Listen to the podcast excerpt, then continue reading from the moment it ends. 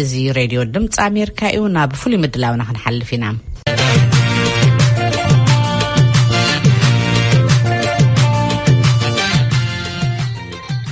ኤርትራዊ ምንቅስቃስ ባይቶ ይኣክል ኣሜሪካ ዝሓለፈ ዓርብን ቀዳምን ኣብ ዘካየዶ ፈላማይ ጉባኤኡ ኣብ ኤርትራ ዲሞክራሲያዊ ለውጢ ክቀላጠፍን ግዝኣተ ሕጊ ዝኽበረላን ብቕዋም ትምራሕን ኤርትራ ክርኢ ከምኡ እውን ግዝኣታዊ ሓድነትን ሉኣላውነትን ሃገርን ህዝብን ንምርግጋጽ ከም ዝሰርሕ ኣብ ዕላምኡ ዘርዚሩ ኣሎ። ተወልደ ወልደገብርኤል ነቲ ብርሕቐት ዝተኻየደ ኣኼባ ድሕሪ ምክትታል ካብ ኣወሃህቲ እቲ ጉባኤ ንዝኾነ ኣቶ መድሃኔ ተስፋዮሃንስ ኣዘራሪብዎ ኣሎ። ትማሊ ሕጽር ዝበለ ምቕራብና ይዝከር፣ ንሎሚ ድማ ካብቲ ደው ዘበልናዮ ክንቅጽሎ ኢና። ኣቶ መድሃኔ ባይቶ ይኣክል ካብተን ካልኦት ውድባት ዝፈልዮ ብምግላጽ ክጅምር እዩ። እቲ ፍሉይነቱ ኣባል ንክትከውን ናይ ግድን ዘለካ ፖለቲካዊ ኣረኣእያ ምስ ዝኾነ ውድብ ተተሓሓዘ ክኸውን የብሉን። ድሕር ኤርትራዊ ኮንካ ህዝበይ ዓሚጹ ኣሎ፣ ህዝበይ ተወጺዑ ኣሎ፣ ንፍትሒ ክቃለስ እየ ትብል ተኾንካ ኣብቲ ባይቶ ምንቅስቃስ ክቡር ቦታ እዩ ዘለካ። እታ ሓንቲ prerequisite ናትና ኣብ ኤርትራን ኣብ ኤረትራውነትን ክትኣምን ኣለካ። እሳ እያ እታ ቀንዲ መለክዒት። ኤርትራን ኣብ ኤርትራውነትን ክትኣምን፣ ህዝበይ ተወጺዑ ኣሎ፣ እጃመይ ከበርክት ትብል ተኾንካ ኣብቲ ባይቶ ምንቅስቃስ ቦታ ኣለካ። ህዝባዊ ምንቅስቃስ ይካልካዮ ስለዚ ሰላማዊ ዓይነት ምንቅስቃስ ዲኹም ተሰጉሙ ወይስ ላ ጎንፃዊ ኮይኑ እውን ዝኾነ ኣማራፂ ክንኽተል ወይ ንድግፍ ኢና ክንትብሉ እቲ ምንቅስቃስና መርገፂ ብሩህ እዩ ንሕና ሕጋዊ ምንቅስቃስ ኢና ኣብ ኣሜሪካ ተመዝገብና ኢና ስለዚ እቲ ንገብሮ ምንቅስቃስ ኩሉ ሰላማዊ ኮይኑ ግን ጸቕጢ ንምፍጣር እዩ። ብጎነጽ ኢና ንንቀሳቐስ ዝብላ ግን ኣይንቃወመን ኢና፣ መሰለን ስለ ዝኾነ። መድሃኔ ኣብ ኤርትራን ኤርትራውነትን ክሳብ ዝኣመነ ዝብል ነገር ኣልዒልካ ኔርካ፣ ምናልባት ምስኡ ዝተሓሓዝ ሕቶ ናጽነትኩም ባዕለ ክንደይ እዩ? ምናልባት ብዙሕ ግዜ ዝለዓል ሕቶ ኣሎ፣ ብካልኦት ጸቕጢ ወይ ድጋፍ ናይ ደገ ሓይልታት ናይ ጎረባብቲ ሓይልታት ቅድሚ ሕጂ ደንበ ተቃውሞ ኣብዚ ብዙሕ ኣፈላላይ ነይርዎ ኢና ንሕድሕዱ ስለዚ ስኻትኩም ማዕረ ክንደይ ኢኹም ናፃ ምንቅስቃስ? ንሕና ሚእቲ ካብ ሚእቲ ናፃ ምንቅስቃስ ኢና። እቲ ንገብሮ ምንቅስቃስ በቲ ናትና ዓንዲ ሕጊ ተቀይዱ ዝኸይድ ኣተኩሮና ኣብ ህዝብና ዘለዎ ስቃይ እዩ። እዚ ማለት ግን ምስ ዝኾነ ምሳና ዝደናገፅ ሓይሊ ልኣላውነት ናይ ሃገርና ኣብ ጀፐርዲ ዘይእቲ ዝኾነ ምስኡ ክንዛረብ እሂን ምሂን ክንበሃል ግን ዋላ ሓንቲ ጸገም የብልናን። ኩሉ ነገርና ድምውለና ባዕልና ካብ ከተማታት ተዋጺኡ ዝመጽእ ገንዘብ ፈተውቲ ድሕግዙና ጌርና ኢና ንንቀሳቐስ። እዚ ካልእ ዝበሃል ግን ምናልባት ከምኡ ኢሉ ዘውሪ ሰብ ጭብጢ ከርኢ ኣለዎ እቲ በርደን ኦፍ ፕሩፍ ስኒ ኣብቲ ኣኪዝ ዝገብር ደሎ ሰብ እዩ ደኣምበር ባይቶ ባዕልና ንባዕልና ኢና። መድሃኔ ምናልባት በቲ ካልእ ወገን ዝያዳ ደፊኡ ዝቐርብ ሕቶ ማዕረ ክንደይ ኢኹም ናይቲ ህዝቢ ናይ ልቢ ትርግታ ኣንቢብኩም ሕጂ ትማሊ ዝሰምዕ ነይረ ንኣብነት እቲ ስርዓት ክወድቅ ቀሪቡ እዩ ኣጆኹም ይበሃል ነይሩ ግን ብጭብጢ ማዕረ ክንደይ እዩ እቲ ህዝቢ ከምቲ ንስኹም ተደልይዎ ዘለኹም ወይ ማዕረ ክንደይ በሲሉ እቲ ጉዳይ ኣብ ቀሪብና ኢና ዘብል ማዕረ ክንደይ እዩ በፂሑ ኢልካ ትኣምን?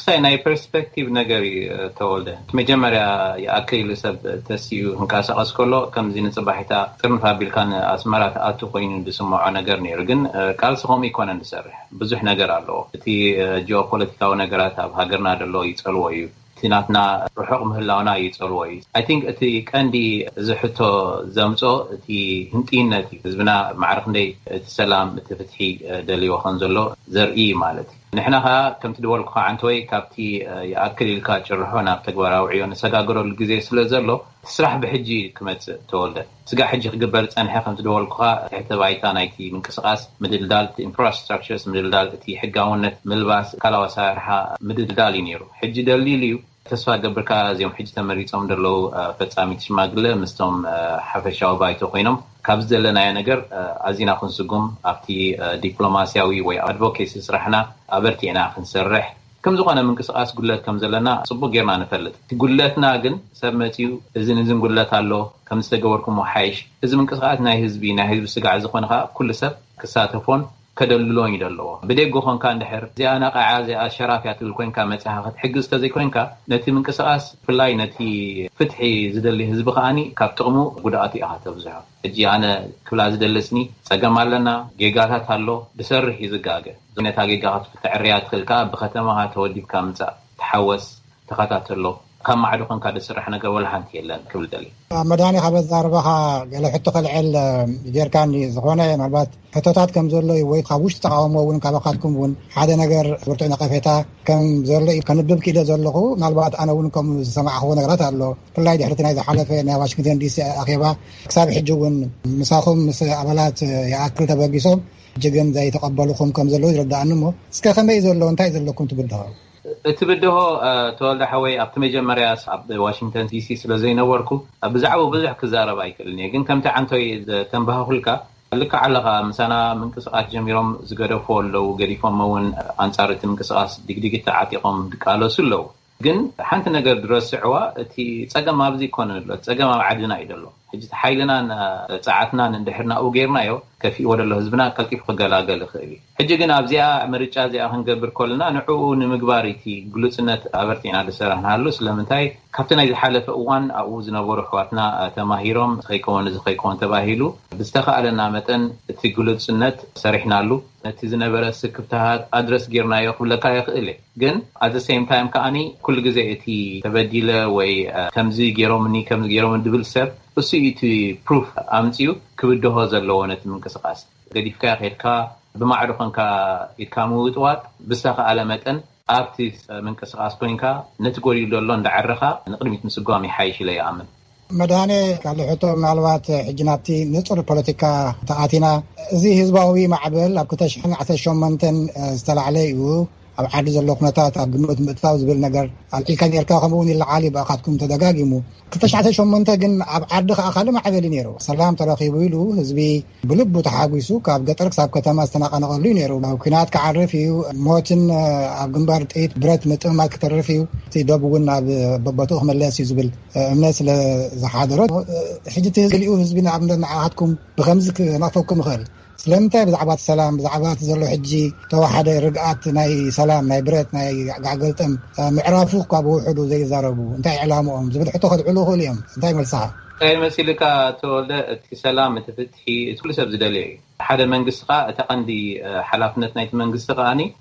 ሰላምን ፍትሕን ኣብቲ ሃገር ንኸውሕስ እዩ። ሕጂ ተጀሚሩ ዝነበረ ናይ ሰላም ምርድዳእ ኣብ መንጎ መንግስቲ ኢትዮጵያን መንግስቲ ኤሪትራን ብጣዕሚ ጽቡቕ እዩ። እቲ ምንቅስቓስና እውን ኣካል ናይቲ ህዝቢ ስለ ዝኾነ ኣብቲ መጀመርያ ብጣዕሚ ደጊፍዎ እዩ። እቲ ጸገም ንመጽእ ግን ግዜ ምስ ወሰደ እዩ። ግዜ እንዳወሰደ ምስ ከደ ግን ናይቲ ሰላም ፍሩት ናይቲ ፒስ ክንሪኦ ኣይከኣልናን። ህዝብና ስጋዕ ሕጂ ይስደድ ኣሎ።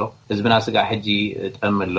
ህዝብና ስጋዕ ሕጂ ከም ድሌቱ ክንቀሳቀስ ኣይክእልን እዩ ፍሪዶም ኦፍ ኣሰምብሊ የብሉን ፍሪዶም ኦፍ ስፒች የብሉን ስለዚ ካብቲ ሰላም ክንረኽቦ ተሃንጢናዮ ዝነበርና ነገር ኣይረኣናዮን ንሕና ከኣ ከም ደለይቲ ፍትሒ መጠን ከኣ ነቲ ዝግበር ዘሎ ዓመጽ ከነቃልዕ ኢና ደኣ እምበረ ከምዚ ጽርግያ ተሰሪሒልና ብዛዕብኡ ክንዛረብ ዘየለ ሰላም ኣሎ ኢልና ክንዛረብ ቅኑዕ እውን ኣይኮነን ስለዚ እቲ ምጅማር ጽቡቅ እኳ እንተነበረ ኣብዚ ዘለናዮ እዋን ግን ህዝብና ካብኡ ወላሓንቲ ተጠቀመ እምበሸ መሊሱ ከፊእዎ ኢለ ክግምግም እኽእል ብዝረኸቡ ኣፖርቲኒቲ ህፃናት ቆልዑ ጌና መግቦም ደይፀገቡ ዓዲ ገዲፎም ክኸዱ ከብድኻ እዩ ዝበልዕ ሕጂ ኣብዚ ኩነታት ኮለኻስ ከመይ ጌርካ ኢኻ ብዛዕባ ሰላም ኣሎ ኢልና ክንዛረብሲ ብጣዕሚ የሸግረካ እዩ ሓንሳዕ ሓንሳዕ እውን እቲ ናይ ሰላም ትርጉምስኒ ኣብ ተፈላለየ ዓዲ ተፈላለየ ትርጉም እዩ ደለዎ የጣራጥረካ እዩ። ፖለቲካዊ ኣረኣያ ክፈላለ ይኽእል እዩ። ሰላም ማለት ግን ብዙሓት ከም ዝርድዎ ኣንፃር ኩናት ማለት እዩ። ወይ ኣንፃር ውግእ፣ ኣንፃር ግጭት፣ ምቅትታል ደም ምፍሳስ ዘይብሉ ማለት እዩ። ብውሕዱ ኣብዚ እዋን እዚ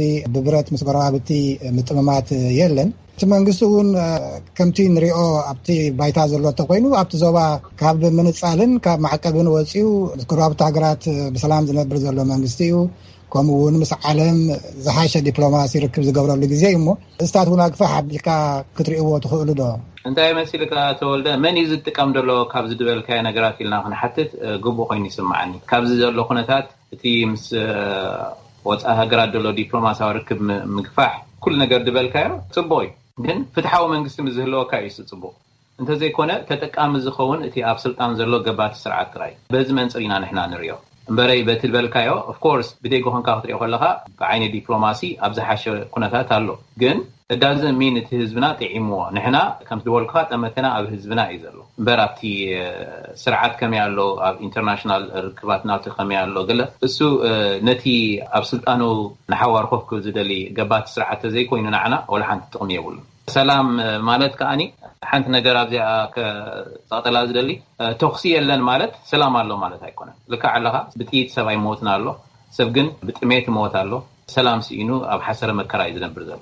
ትማሊ ማሕፉዝ እብራሂም ክዛረብ ከሎ ኣባልኩም ምስቶም ካልኣ ራእያ ዘለዎም እውን ተቀራሪብና ቅርብ ኢልና ዝብል ነገር ነይሩ እንታይ ማለት እዩ እስከ እቲ ብፍላይ ምስ ካልእ ፖለቲካዊ ኣርኣያ ምሳና ብዘይሰማምዑ እቲ መንግስቲ ወላ ጥቡቅ ዝምድና ዘለዎም እንተኾኑ እውን ብሓንሳብ ክንሰርሕ ንኽእል ኢና ዝብል መልእኽቲ ዝሰማዕኹ መሲሉኒ ኣይዝክራን እየ ተወልደ እዚኣ ዝበልካያ ብማሕፉስ ዝተባሃለት ዘረባ ወላ ንስኻትኩም ከም ፖሊሲ ምስ ካልኦት ኤርትራውያን ብሓባር ናይ ምስራሕ ኣርኣያ ብዘይገድስ ምቅርራብ ንኩላትና ብማዕሪያ ትብፅሓና ማዕረ መሰል እዩ ዘለና ዝብል ነገር ስለ ዘልዓለ እዩ እወ እዚ እቲ መሰረታዊ እንድዩ ተወልደ ንሕና ኣብዚ ኮይና ከም ይኣክል ምንቅስቃስኒ ከይድና ዓዲ መንግስቲ ክንተክል ማለት ኣይኮነን ብዙሓት ምንቅስቃሳት ኣለዋ ብዙሓት ውድባት ኣለዋ ኣብቲ ዲሞክራሲያዊ ዝኾነት ሃገር ምስ ኣተና እቲ መንግስቲ ዝትከል በተን ኩለን ምንቅስቃሳት ዝግበር ስምምዕ ደኣ እምበር ብሓንቲ ውድብ ወይ ከኣ ብሓንቲ ምንቅስቃስ ዝመጽእ መንግስቲ የለን። ስለዚ ማሕፉዝ ንዓኣ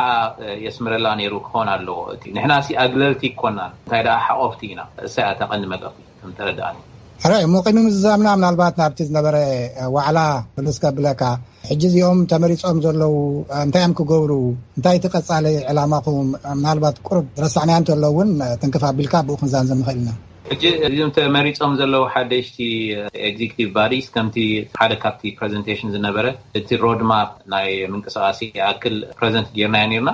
ሕጂ እዚ መጺ ደሎ ኣብኡ ንዑ ኤክሲኪት ምግባር እዩ ማለት ካብቲ መደብ ወጺ ደሎስ ሓደ ብሓደ እንዳበልካ ከምቲ ድበልኩ ዓንቶይ ኣብቲ ዲፕሎማሲ ፋሕ ኢልና ክንሰርሕ ኢና እቲ ተሪፉ ደሎ ከኣ ነቲ ፋሕፋሕ ኢሉ ደሎ ህዝብና ወይ ከኣ እተን ፋሕፋሕ ኢለን ደለዋ ምንቅስቃሳት ናብ ጥርኑፍ ክመጻ ኣበርቲዕና ክንሰርሕ ኢና ሓደ ካብቲ ንኣምነሉን ኣጸቢቕና ንሰርሓሉን ነገር እዩ። ውድብ ተበዝሐ ምንቅስቓስ ተበዝሐ ወላ ሓንቲ ትርጉም የብሉን። እቲ ቀንዲ ዕላማ ኩላትና ኣብ ሃገርና ሕማቕ ከም ዘሎ፣ ዓመጽ ከም ዝበዝሐ፣ ሽግር ከም ዝበዝሐ እንድሕር ተረዲእና እታ ዕላማና ሓንቲ እያ። እሳ ከኣ ነቲ ደሎ ዓማጺ ዝኾነ ስርዓት ምልጋስ እዩ። ከምኡ እንድሕር ኮይኑ እቲ ዕላማና እንታይ ክንገብራልና ሓቢርና ክንሰርሕ ኣለና። እታ ቀንዲ መልእኽትና ንዕሰል እያ። ንዕሰል ከምታ እታ ቴማና ዝነበረት ውሁድ ስራሕ ንውሑስ መጻኢ።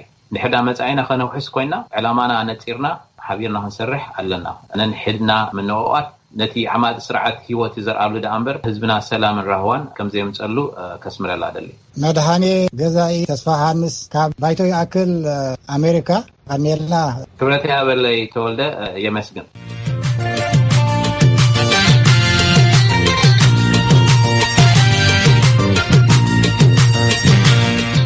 ክንከታተሎ ዝፀናሕና ፍሉይ ምድላውና እዩ ነይሩ ንተወልደን ከምኡውን ንመድሃኔን ኣዝየ የመስግን እዚ ሬድዮ ድምፂ ኣሜሪካ እዩ በዚ እምበኣር ናይ ሎሚ ሰሉስ ሓፈሻዊ ምድላዋትና ፈፂምና ኣለና ፅባሕ ክሳብ ንረኽበኩም ምንያ ፈወርቂ ምስ ኩሎም መሳርሕተይ ካበየ ኣባይትና ሰላም